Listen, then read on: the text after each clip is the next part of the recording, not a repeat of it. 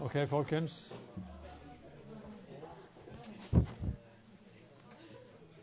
Er vi klar til uh, ny dyst?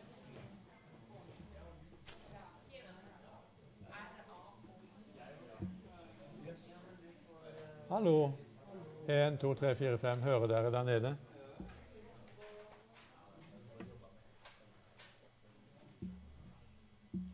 Vi begynner. Hei. Nå, begynner vi. Hva?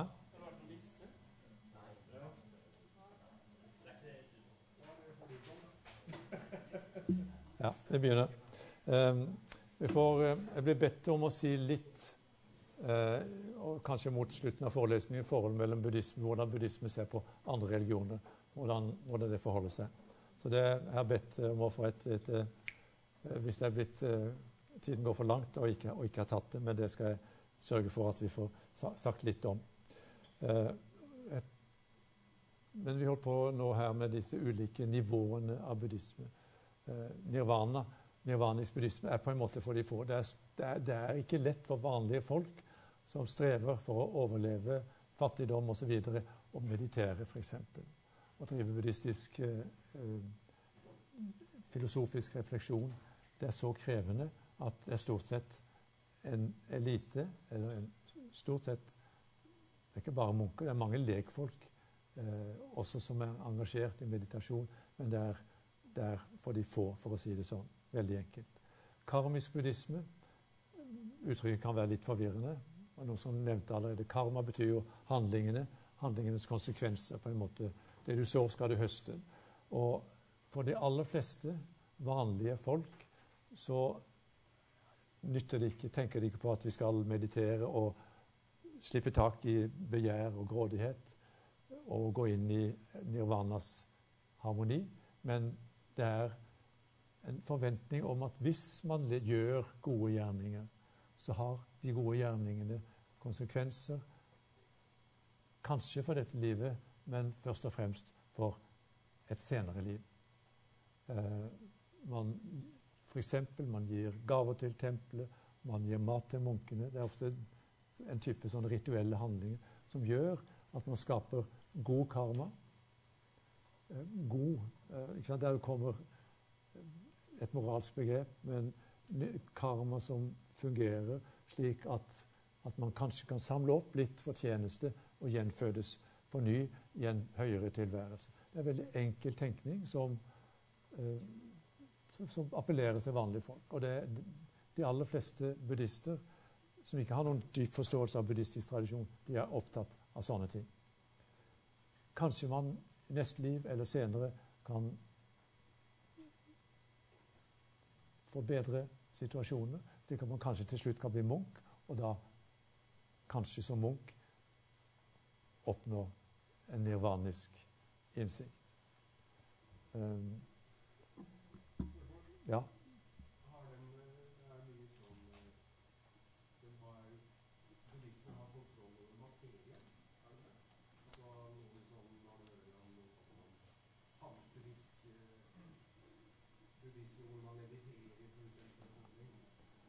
Ja. Uh, det kommer tilbake til det. Ja, altså, det, det, er, det, det, er veldig, De aller fleste buddhister vil si at den ambisjonen om å mestre materien, levitasjon, vil si uinteressant. Uh, det avgjørende er å slippe taket i grådigheten og begjæret og hatet. Det er selve fundamentet. Zen, japanske zen-buddhister vil si helt uinteressant. Nonsens. Og det vil nok de fleste klassiske buddhister si. Selv om det er visse tradisjoner som er opptatt av Men altså, hvis jeg skulle bare kortisere det, så vil iallfall en buddhist med, med gjennomreflektert forhold til, til, sånne ting si at det er sekundære ting. Det er helt sekundært. Hvis man nå har den type overnaturlige evner, så er det helt, helt sekundært. Det er ikke noe man Ok, det er visse tradisjoner som er opptatt av det, men for buddhisme som helhetstradisjon er det uinteressant. Uh, ok, Det magiske Jeg har lånt uh, uttrykket fra da en antropolog, som også Jacobsen refererer til, har studert uh, buddhismen i Burma Myanmar, så vidt jeg husker. Eh, og det magiske er ikke den type å opp, opp, si, opp, oppøve eh, magiske evner, men det er sånn som går på eh, riter, amuletter, eh, bønner, beskyttelsesamuletter for å avverge ondt. Du kan gå inn i hvilket som helst buddhistisk tempel i Japan. Du kan kjøpe amuletter for Eller man kan kjøpe bønner, amuletter for eh, vellykkede eksamener, eh, familie, i familien, eh, avverge ulykker. Altså den type ting. I, jeg vet, i klostre i, i Thailand f.eks., eh, hvor man kan kjøpe Ja, fruktbarhet, helt fundamentalt, tradisjonelt. ikke sant? Og, og, og en, en, trygg fødsel det har jo vært, Nå har man sykehus og alt sånt, men i tradisjonelle kulturer ikke sant? En trygg fødsel er helt fundamentalt. Amuletter, bønner for å føde barn trygt. Eller fruktbarhet. I tradisjonelle kulturer, hvis man ikke får barn, er det jo en tragedie, for da har man jo ingen til å ta. Så den type magisk, eh, magiske ting. F.eks. et stort klostertempel i, i, Bangkok, hvor man kan kjøpe fra de aller minste til kjempestore sånn fallelser. Okay, har det noe med buddhismen å gjøre? Nei, antagelig ikke. Men fallosen som symbol på fruktbarhet. Kraft, potens, helt fundamentalt. Det er jo et av de religiøse grunnelementene, faktisk. Eh, kraft, fruktbarhet henger tett, tett, tett sammen. Eh, så ok, det er første gang så jeg tenker Oi, hva er dette her for noe? Men så, så tenkte jeg ja, men for vanlige folk er jo det helt fundamentalt. Og fallelser, eller feminine uttrykk for fruktbarhet, er jo helt sånn grunnleggende religiøse symboler. Eh, så det, det, er på en måte som ligger i det magiske. Og for de aller fleste buddhister, ja, for de buddhistiske kulturer, er det kanskje det som man gjør mest. Man går i tempelet. ok, Man ofrer kanskje røkelse til Buddha. Man gir mat til munkene, får god karma. Men så er det alle disse andre tingene som, som berører det daglige livet. Eh, man kan, si, man kan kalle det overtro, man kan kalle det hva som helst. Men sånn er livet for de fleste. Og jeg tenker at ja, eh, det er ikke så merkelig. Så, men da, da, man, da, da, kan man like gjerne gå til buddhisttempelet som et annet uh, tempel. ikke sant? En, en uh, F.eks. i sydøst Thailand. Man går til kanskje en, en hinduprest. Eller, og da, da, det sprenger til en sånn annen type holdninger hvor man går der man tror man får beskyttelse. Magisk. Det er det som ligger i det magiske. Uh, ulike buddhistiske miljøer i Norge. Eh, jeg har tre stikkord. Tror kanskje Jacobsen hadde i sin bok.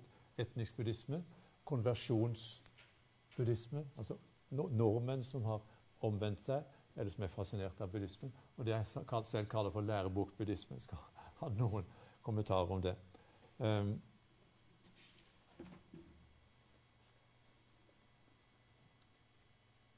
etnisk buddhisme. Da tenker jeg på i vår norske sammenheng de, de, aller fleste norske buddhister er jo etniske. De, kommer, de aller fleste er fra Vietnam. Eh, det er mange fra Thailand, det er mange fra Sri Lanka, eh, noen fra Japan, noen fra Kina. Det som, som Iallfall de som engasjerer seg, det som preger disse miljøene, er at, at naturligvis at de har med seg mange av tradisjonene fra sitt eget hjemland. Eh, blandet med folkelige tradisjoner fra opprinnelseslandet, hvor det magiske helt sikkert også er med, og hvor det karmiske altså Man gjør gode gjerninger, god karma, kanskje fødes på ny senere. Eh, fra, fra, fra, for nordmenn Og det er jo en utfordring da for e- Egil Lote, som er forstander i Buddhistforbund. For nordmenn er jo dette veldig fremmed. Veldig eksotisk. Interessant å gå og besøke. Jeg vet ikke, Kanskje noen har vært på buddhisttempelet ute i der oppe i det Vietnamtempelet uh, oppe i uh, ja. ah, Kolm, nei, Hjelp meg. Bjørn, nei, ikke der. Det er det tibetanske. Eh, oppe i Bjørndal ligger det et tibetansk kloster, men ute i eh, Lørenskog ja, ja liksom, Løvenstad. Vet, nei, det er kanskje ikke det. Ja, ok, Utover der. I nærheten av Strømmen, Lillestrøm Ja. Ok. Veldig vietnamesisk. Veldig annerledes. Så veldig fascinerende i første omgang, men for norske buddhister så er det så fremmed at det, det er ikke naturlig for dem på en måte å, å søke Hvis ikke de har vennskap og osv. Så, eh, så, så, så er det såpass annerledes og fremmed at det er ikke naturlig å søke tilknytning der. Hvor de har Hvis jeg får tid, skal jeg ta med noen, noen bilder fra disse templene hvor man har um, Ok, vente med det. Um, se om jeg kan komme tilbake til det. Hvor man har okay, massevis av buddha-statuer. Jeg var oppe på, på, det tibetanske den gang lille eh, klosteret oppe i eh, nærheten av Enebakk. Hva heter det oppi der, da? Hvem var som nevnte det tibetanske? Bjørndal, ja. Oslo sydøst. Eh, kommer inn fra, øst, fra, måte fra Østmarka, så kommer man inn i en hytte. Man gjorde det inn i en hytte, Og så plutselig så er man i en totalt fremmed tibetansk verden med uttrykksformer som er veldig annerledes. Sånne, sånne lys som blinker og blinker og blinker. Massevis av offergaver. Dels vi, altså vann og frukt osv., men også sånn som, som blinker. Som, som, noen av oss tenker at dette her er jo det er virkelig kitsch, men som for veldig mange folk er flott. Sterke farger, helt totalt fremmedartede buddha-statuer osv. Eh, interessante, som jeg for så vidt antydet tidligere, at den tibetanske tradisjonen ved siden av zen er den som har appellert mest.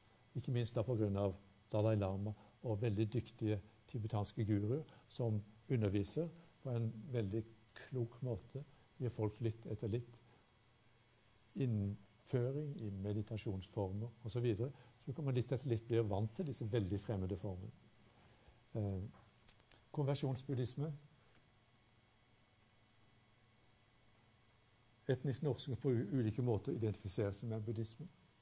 Eh, det her, dette blir veldig forenklet, men det er jo egentlig en, et, et utrolig stort mangfold av buddhister. Altså fra folk som syns buddhismen er interessant, og sympatiserer med buddhismen, kanskje har en buddha-statue i hyllen og leser litt buddhistisk litteratur på, på nattbord, for nattbordbuddhisme. ikke sant? Altså, eh, Mac Buddha, eh, Zen Light Det er ikke for å nedvurdere, men? Er, man får en touch av, av, buddhistisk tradisjon. Av og til bare som stemning, feel good, eller som underholdning. Jeg klippet ut, jeg har ikke den med meg her, en annonse i en dansk eh, avis, en hovedstadsavis, hvor det sto an, an, hva heter det noe? Sånn annonse for en kjent dansk guru, Ole Nydal, som skulle ha undervise om buddhismen. Hvor, hvor, var den plassert? Jo, den var plassert under fornøyelser, underholdning. Og Det sier litt om den type buddhistisk interesse. Ja? Er det noe orientalisme i bildet? Massevis. Eh, jeg var litt inne på det forrige gang, eller i forbindelse med nyreligiøsitet. Man, man, skaper det Østen man lengter etter. Eh, og, og, og, mye av dette er jo veldig overfladisk, men det som er interessant, syns jeg også, er jo Eller f.eks. fra altså motkulturen på 50- og 60-tallet. Enorm fascinasjon av, av Østen. Eh, Jack Kerouac, han som skrev 'On the Road', nei, On the road på kjøret eh, veldig fascinasjon av, av buddhistisk tradisjon, eh, hvor tingene roter sammen. Men eh, eh beat zen, eh, som hvor man tok opp ganske viktige elementer av zen, og noen gikk videre. Ja?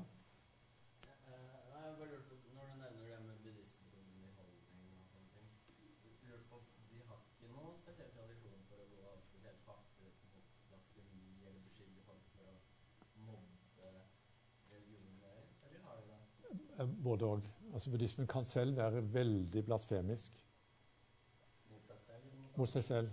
Nei, ikke mot andre. Det er det sikkert også, men vel, det, det, er- ligger ikke i tradisjon. Men ikke sant, i, i, visse tradisjoner Hvis du møter Buddha, så drep Buddha. Altså den type veldig radikal. Hvorfor skal man drepe Buddha? Jo, fordi det hjelper ikke noe med en Buddha hvis ikke du oppdager Buddha i deg selv. Altså alt, alle begreper, alle, alt, alt de hellige ordene på en måte må man må kvitte seg med det for at man virkelig selv kan. Det har masse den skal vi si, sånn eh, Det er ikke blasfemisk, men det er eh, sånn radikal um, Ja. Man må gå beyond hele tiden, for å si det sånn. Eh, men eh, man eh, Hvis jeg går inn i et tempel og begynner å gjøre ting, da vil jeg nok bli hevet ut ganske fort. Ja. Eh, eksempel det er en del sånn ekstreme kristne i Korea, veldig aggressive, som har forsøkt å brenne buddha-statuer. Eh, Helt uforståelig for meg, men eh, det er klart det er Det skaper enormt raseri. Ja, da har man jo hørt historier, jeg vet ikke om det er noe sannhet i det, men munker, munker som dreper eh, folk som har oppført, seg dårlig mot tempelet, Ja, det har vært mye konflikt. eh, altså, som har slått dem i hjel der og da og sånn. Jeg vet ikke om det stemmer. Det har vært mye i det siste. Jeg husker hvilket land. I Korea har det vært en del. og altså, dette er, det, det tradisjonelle image av buddhismen er at den er harmonisk, det er fredfullt. Det er, det er ashoka-tradisjonen. ikke sant? Gir rom for. Buddhismen er stort sett ganske fredelig. Men illusjonen er jo at man ikke Hvis man ikke også samtidig ser at, at det er masse i buddhistisk historie aggresjon, eh, undertrykkelse eh, gjør buddhismen til den nasjonalistiske religionen, f.eks. Sri Lanka som er bærer av det, nasjonens kultur, som blir problematisk i forhold til andre. I, i, i Myanmar nå, f.eks., hvor du har buddhistiske bevegelser som er veldig aggressive. Og Det er jo litt interessant for å nevne, at det da er norske buddhister, representert av lederen av Buddhistforbundet, som reiser med støtte fra norske stat til Myanmar for å undervise burmesiske buddhister om toleransetradisjon, om menneskerettigheter osv. Så, videre. så jeg kan ikke gå i veldig detalj her, men gjennom buddhistisk historie er det massevis av buddhistisk aggresjon. Eh, men stort sett hovedtradisjonen er at man ikke angriper andre religioner. At man også gir rom, for alt det merkelige man har i sin egen religion, med forventning om at det kan, kan utvikle seg. Så, så det er hoved. Men det er sånn litt sånn eh, orientalistisk å, å, å, å, tro at buddhismen er en fantastisk fredelig religion. Det, det, det, det stemmer ikke. Ja? Ja, ja altså det er det er knyttet Shaolin er jo knyttet til et buddhistisk uh, tempel. Uh, så Men det, det er også knyttet til andre tradisjoner. Det veves sammen andre kinesiske tradisjoner også. Eh, en, en buddhist-munk skal jo ikke være aggressiv. Eh, de vil antagelig knytte det til en, eh, en tenkning hvor man, hvor man ikke og hvor man benytter den andres aggressivitet ikke sant? for å avlede mange av den type ting. Men altså f.eks. japansk tradisjon, i Kyoto hvor vi bodde i mange år, gamle hovedstaden, det var tre ting man fryktet. Det var eh, oversvømmelse fra elven som fløt gjennom byen. Det var brann. Bare trebebyggelse. Med brann så, så går det over hele byen. Og krigermunkene på dette nærmeste fjellet. Ja, så bare ta det i, i mente at aggresjon er finner man også i, i buddhistisk tradisjon. Men stort sett veldig romslig, det må en si. Ja. Um, Squares end det var et uttrykk som ble brukt eh, også på, i motkultur. Folk som går helt inn i zen. ikke? Reiser til Japan, studerer, mediterer under japanske zen-mestere og går 100% inn i buddhistisk tradisjon og kommer tilbake mange utrolig dyktige, f.eks. amerikanske zen-mestere, eller eventuelt eh, lært av indiske guruer osv. eh, overtar mer eller mindre hele tradisjonen. Ja, idealisering det er litt av dette her orientalistiske. Glemmer ofte at buddhistisk kultur er like etablert og fanget i systemene som vestlig religion. Kanskje enda mer av og til. F.eks. Eh, diskriminering. Eh, buddhisme som i utgangspunktet er en ikke- ikke-diskriminerende religion. Eh, eh, oppvåkningen er ikke maskulin eller feminin. Egentlig alle mennesker like, fordi alle mennesker har oppvåkningsnatur, men vevd inn i, i buddhistiske kulturer veldig mye, ikke minst i kinesisk, japansk tradisjon, hvor en kvinne har så mange hindringer at hun ikke kan bli oppvåkt, bli, bli kan vi si, nirvana. Løsningen i to-tre sutraer er ganske interessant. Eh, det er en løsning, og løsningen, det gode budskapet er at hun kan forvandles til mann, hun kan gå inn i paradis eller inn i, i nirvana. Og dette kjenner man fra andre religioner også. Hvis man leser Thomas' evangeliet, eh, den kristne tradisjon Maria Magdalena hun kan jo ikke gå inn i riket. Jo da, svarer de. Hun kan bli forvandlet til mann, og så kan hun gå inn i riket. Så det er et element som lett kan komme inn i, i forskjellige religioner. Buddhismen er senere til å arbeide med disse temaene. Og veldig ofte er det vestlige buddhister som utfordrer japanske og kinesiske eller thailandske eh, buddhister. Ja. Kan du forklare på egentlig hvorfor det maskuline er så fremtredende i oppnåelsen av det guddommelige? Jeg tenker på både i kristendommen, men Ja. du har det jo i egentlig tra- tradisjonelt sett i de fleste religioner. Det er jo Ja. mye gamle dager, så var det jo kvinner som var flytta i guden. Ja, du har det også. Ja. Um, um, det hjelper ikke alltid å ha fruktbarhetsskuddet, faktisk. Det, det, det, det har ikke nødvendigvis noen implikasjoner for, for samfunnet. Men altså, at det er kulturer hvor det har vært mer matriarkalske kulturer, det, er det nok. Det er veldig van vanskelig for å, å akseptere den veldig enkle beskrivelsene som man ofte av, av og til oppdager. Først var det kvinnenes eh, eh, kvinnelige, og så ble det mannlige religioner. Og så kom kristendommen, og så litt Det ble altfor enkelt. Men uh, mennene Jeg vet ikke. Det er jo ofte mennene som har formulert ting. Men har uh, De fleste kulturer har mennene vært de, de, de sterke, fysisk sterkere og så videre, og dominert. Uh, når Jesus, eller i, i, Paul, når Jesus han må, må, møter kvinner, så er det jo veldig radikalt. Til og med fremmede. ikke sant? Samaritaner og kvinner. er for- tradisjonelt sett ikke de intellektuelle. Noe mer intellektuelle enn enn kvinner. Altså Kvinner er Ja. ofte mye, har en mye større grad av modenhet. for eksempel.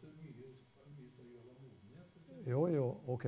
Men altså Veldig ofte har jo kvinnen vært Dette er er ikke jeg ekspert på, men jeg bare forsøker eh, Det har vært mange hindringer for kvinnen til å utvikle. Ikke sant, I middelalderen eneste måten for kvinner å utvikle sitt intellekt på, var å bli nonner. En frigjøring, ikke sant? Og, og det er jo også jeg tenker i buddhistisk kultur at de, det å kunne bli nonne kan bli en, en frigjøring. Buddha selv vegret seg jo ifølge tradisjonen for å utnevne og la, la nonnene bli en orden. Hans mor ville bli nonne, avviser henne. Så det er hans disippel Ananda som overbeviste han om at alt det han selv har sagt om oppvåkning, skulle jo ikke være til hinder for at kvinnene blir det. Du hadde en kommentar? Ja, jeg, jeg tror det var litt det du sa. Det var menn som fant opp religion. Ja. Det er jo Occam's Racer. Det er ofte sånn. Ja, dette er et stort tema. Vi kunne bruke mye tid på det. Jeg må bare se på, okay, se på det. Um, gå, gå litt videre med dette. Ja, altså, er sikkert noen som har vært borti mindfulness, som jo har røtter i buddhistisk tradisjon, men hvor de fleste, og noen av, av lederne, er veldig bevisst at de har fått fra buddhistisk tradisjon. Mindfulness, som betyr um, det våkne tilstedeværelsen. Som er en del av den Buddhas åttefoldige vei, eh, men hvor man har en god tendens til på en måte å skrelle bort den grad det er mulig, skrelle bort det buddhistiske, som, som gjør det lettere for folk som ikke er interessert i det religiøse, å praktisere. Så dette er også en aspekt av, av eh, ja, av eh, vestlige holdninger til buddhismen. Og det siterte som vi har vært inne på tidligere, veldig mange som sier buddhisme er ikke en religion, men en filosofi. Og Der skriver jeg ja, og så nei. Ok, Buddhismen er filosofisk. Buddha var tenker, asketiske øvelser osv. Og, så og kommer frem til sin, til sin helhetsforståelse. Eh, samtidig, så hvis man har reist i, i buddhistiske kulturer, så ser man jo at buddhismen er utrolig religiøs i hele sin uttrykksform. Selv zen-munker som sier i Japan for eksempel, som sier at ord og begreper har ingen interesse, tradisjoner har ingen interesse. Det er, det er formidlingen direkte fra sinn til sinn, fra hjerte til hjerte. Hvis man følger dem gjennom deres dag Opp tidlig i morgenen, morgenmesse, eh, prostrasjoner, eh, sutra-resitering, bønner Alle tidenes buddhaer som påkalles osv. Og, så og så går man til sitt ulike former for arbeid, meditasjon osv. Gjennom religiøst. Langt mer religiøst i uttrykksformen enn en vår tradisjonelle. Kanskje muslimene har med sine iallfall fem bønner, bønnetider, har en mer eh, rituell utforming enn tradisjonell protestantisk kristendom, for å si det sånn. da. Det er ja, det, er, det beste av, buddhistisk tradisjon er gjennom religiøst. Men det går selvfølgelig an å meditere og filosofere uten å akseptere alle de ulike religiøse ytringsformene som, som buddhismen står for. Ja. Lærebok Jeg tror jeg bare nevner dette veldig fort. Jeg har skrevet en lærebok som dukker opp neste semester som pensum eh, om buddhismen. Enhver vestlig lærebok er en abstraksjon, en konstruksjon av buddhismen. Eh, som går tilbake til et Det er på en måte et forsøk på å rekonstruere Buddhas opprinnelige filosofi og praksis. Men man, hvis man leser en lærebok, norsk lærebok, om det nå er min eller andre, og reiser til buddhistiske land, så finner man ikke akkurat det man har lest om. Fordi buddhismen i disse kulturene er så preget av helt andre ting. Det er, ok, det er nirvanisk buddhisme, det er veldig mye karmisk buddhisme, og det er magisk buddhisme. Og det er konstruert, Dette blir veldig forenklet. Det er konstruert av vestlige religionsforskere i slutten av 1800-tallet som eh, av forskjellige grunner begynte å arbeide med buddhistiske tekster og ble sjokkert da de kom til Sri Lanka f.eks og fant at her er buddhismen proppende full av overtro og riter som ikke har noe med buddhismen å gjøre. Og så forsøkte man å konstruere, gå tilbake til de opprinnelige skriftene, eh, de eldste skriftene, og rekonstruere Buddhas lære. Eh, det er ikke noe galt i det. Og det er Jeg tror nok de fleste lærebøker, hvis de er godt skrevet, henter frem fundamentene i buddhistisk filosofi. Det, det, det, det vedstår jeg med. Men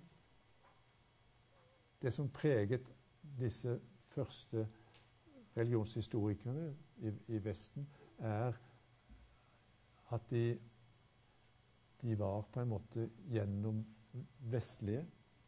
Eh, de så for seg en religion. Endelig, tenkte de, har vi en religion, en religiøs filosofi uten Gud, som er rasjonell, som er moralsk og ren.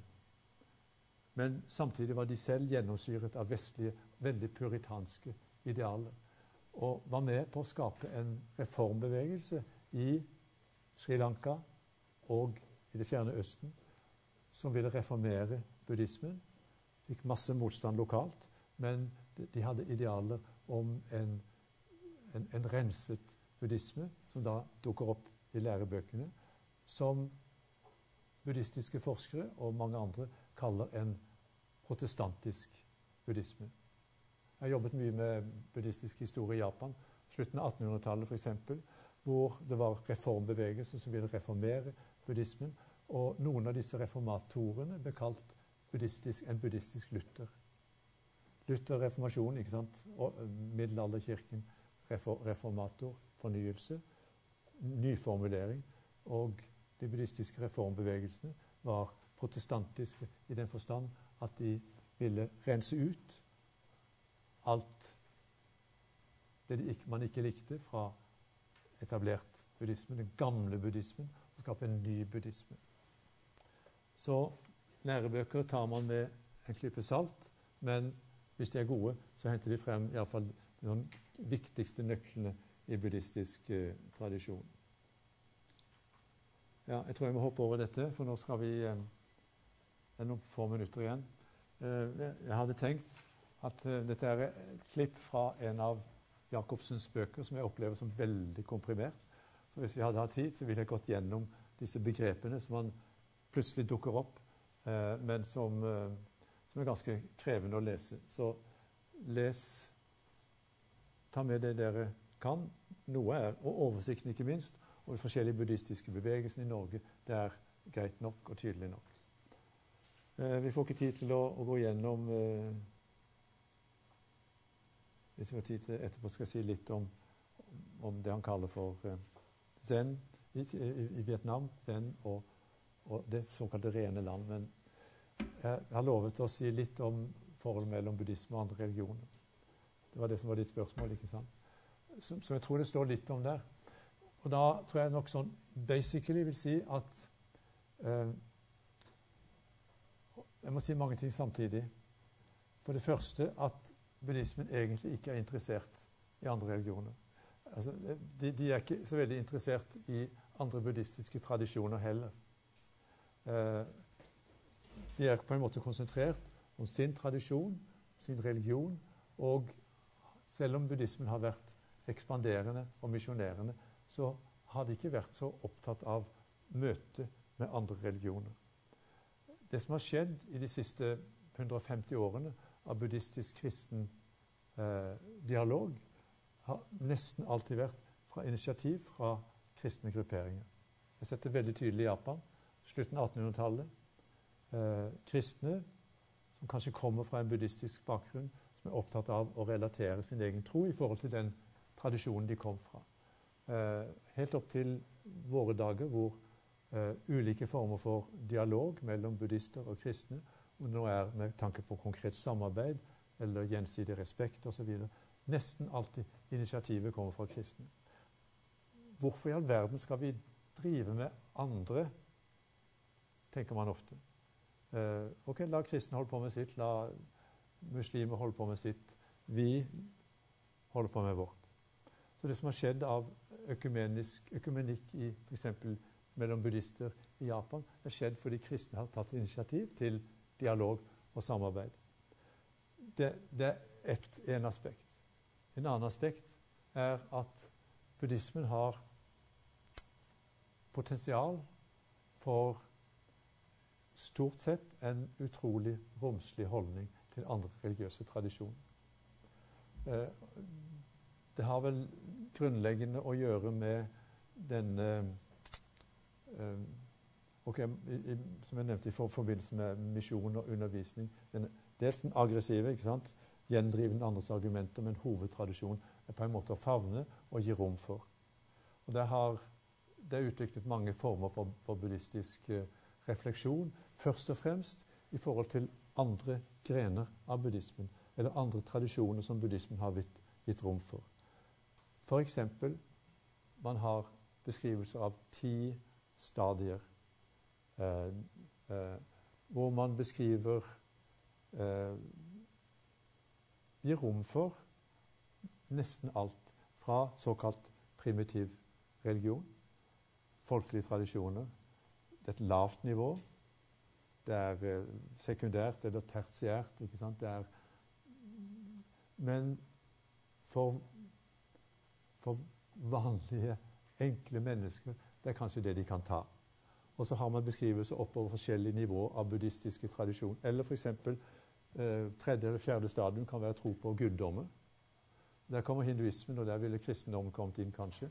Og så kommer andre buddhistiske tradisjoner til den høyeste i den buddhistiske tradisjonen man selv står for. Veldig tydelig at selve den høyeste sannheten har man i sin egen tradisjon, men man må kunne akseptere alle slags nivåer. Fordi mennesker er forskjellige, og en forventning om at Buddha også kan Når Buddha møter mennesker, så møter han på, mennesker på det nivået vedkommende befinner seg. Så han vil vise seg som kanskje som en hindu for hinduene, som en kristen for kristne, og, eller som en, en, en tradisjon, buddhistisk tradisjon for dem, og veilede dem videre mot, kanskje mot høyere. Det er plass for alle. Det er én tenkning som stadier. Et, et annet uh, bilde er man, man lager en, en, mandala. Jeg vet ikke om Hvis jeg hadde tenkt på det, så kunne jeg tatt med bilde av mandala, som er mange forskjellige mandala. Men Hva? Ja, OK. I buddhistisk uh, tradisjon er det ofte bilde av en uh, I sentrum veldig ofte en lotus hvor man i, i, sentrum av den lotus, selve lotus ikke sant, Det er sånn med åtte, åtte blomsterblader. I sentrum er da bildet av den buddhaen som representerer selve dypeste innsikten i den tradisjonen man selv tilhører. Og så har man på de andre lotusbladene andre buddhaer som representerer f.eks. innsikt, medfølelse, kraft, styrke. Forskjellige buddhaer og Bodhisattva på lotusblomsten. De hører også igjen. Utenfor der igjen er det andre buddha og bodhisattva som representerer andre kvaliteter. Og lenger ute kanskje masse andre guddommer. Helt ytterst i utkanten så er det kanskje bilder av eh, demoniske skikkelser osv. Alt hører med i mandalaen. Eh, alt er på en eller annen måte forbundet med sentrum, men veldig fjernt det kan bevege seg mot sentrum osv. Og, og når man veileder folk, dette er den esoteriske tradisjonen, f.eks. den tibetanske, så knytter man mennesket til én buddha eller guddom som befinner seg på et eller annet sted i dette bildet, med forventning om at hvis han eller hun tilegner seg kvaliteten til den buddhaen eller den guddom, så vil man kunne ledes mot sentrum. Altså en kombinasjon Det er en slags eh, inkluderende religionsteologi. Eh, dette er brukt stort sett om buddhistiske bevegelser, men gir også rom for å, og gir mulighet for å gi rom for andre, som da er det var selve essensen i sentrum, og så hadde man spormanifestasjoner i andre sammenhengen.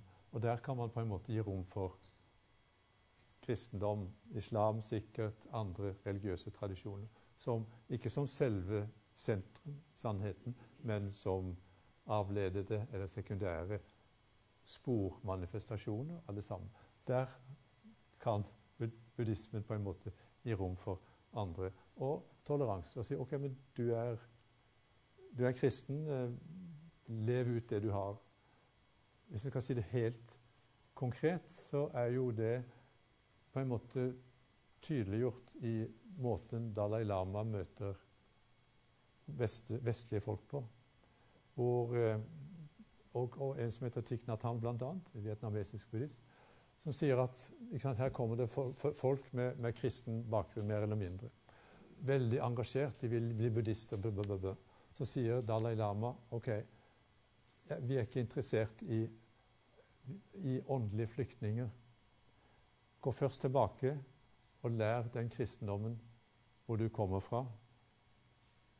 Og så kan du kanskje i neste omgang komme tilbake. Det er, det, det er litt om den type åpenhet.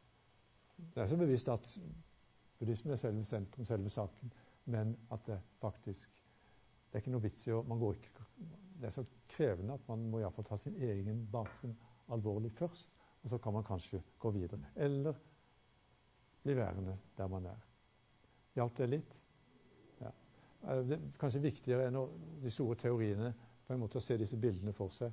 Et sånt sentrum med, med, med en periferi hvor alt er på en eller annen måte tilknyttet og har sin plass. Eller sånn en stadium oppover, da. Eh, stort sett, stort sett veldig tolerant.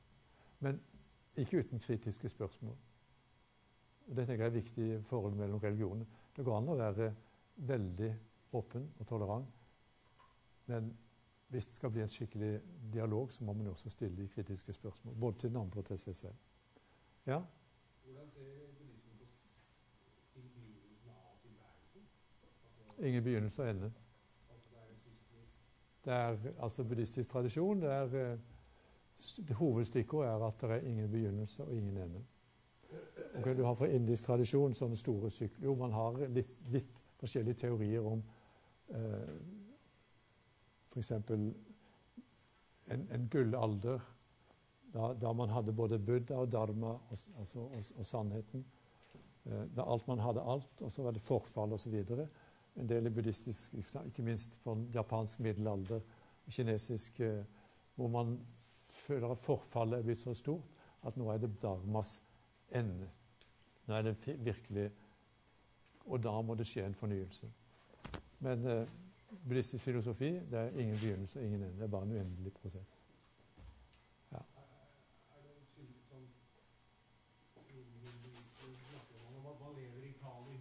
i ja. Ja. Jo, altså Man snakker også i buddhistisk tradisjon om forskjellige kalpa tidsaldre. En, hva, hva er en kalpa? Altså det er uendelige. Så et, et sånn metaforisk beskrivelse av hva en kalpa er, en uendelig tidsperiode Jo, du ser for deg et fjell som er én mil høyt, én mil bredt og én mil dypt. Eh, en gang hvert tusen år kommer det en fugl og skjerper nebbet sitt på den klippen. Og når den klippen er slipt ned, da er det gått én kalpa. Så det er sånn uendelige. Men jeg ser at tiden er eh, kommet. Takk for innsatsen, og lykke til videre.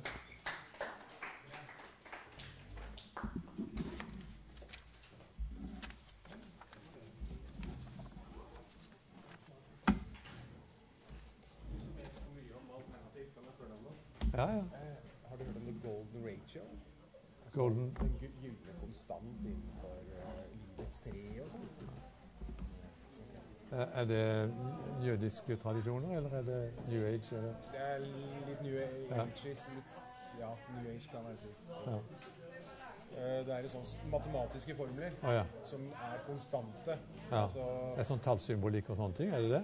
ja, det kan man si. Det, altså det at du har den avstanden oh, ja. derfra til dit, Ja. er like lang som den, og du er like lang fra Ja. laveren til dit. Lese og Ikke sant? Ja. Alle proporsjoner og alle Ja. sånne ting. Det er Ja. veldig matematisk, og det ligger matematiske formler OK. til stede som man kan dra Det er jo interessant. Men du har ikke hørt om det? Nei, jeg vet at det er mye sånn numerologi i visse tradisjon, altså metall og sånne ting.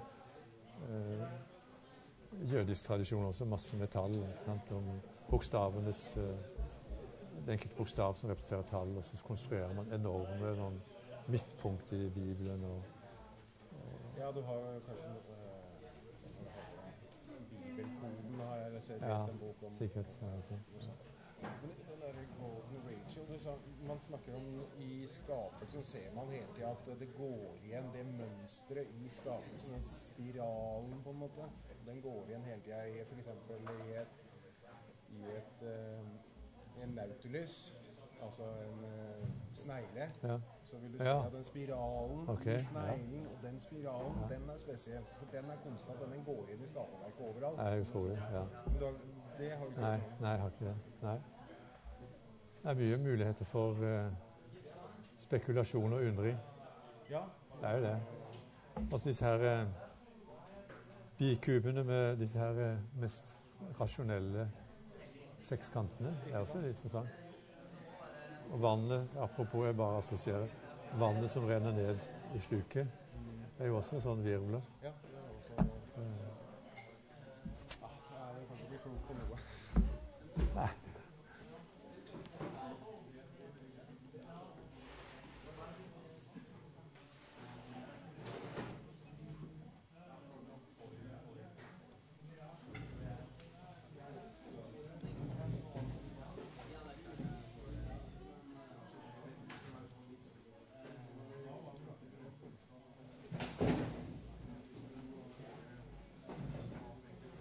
Oddbjørn, skal du bruke denne?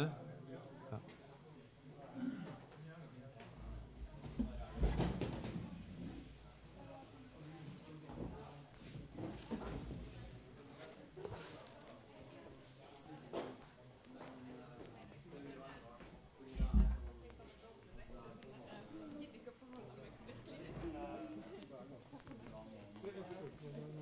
Eh, Den der tradisjonen med idealet, altså Buddha, ja, ha det bra, Buddha-idealet, som man jobber bevisst med i buddhismen, Uh, er det en sånn mer munketradisjon, eller er det også en lekmannstradisjon? Fordi at jeg tenker på, trenger å overføre, liksom, Hvis du tenker dette over kristendommen, Ja. så har vi jo en munketradisjon Ja. hvor man er bevisst på at man prøver å være Ja. idealet. Kristus, men man er jo ikke veldig opptatt av det i lekmannssammenhengen. Altså, du har Altså, du har eh, OK, du har munker. Og Så har du sånne vi kaller tertiære ordener. ja, ja. Altså dedicated ja. lekfolk, Mm. som ofte er mer hengivne enn munker. ja. Det har du faktisk. Hva? Skal du ha den?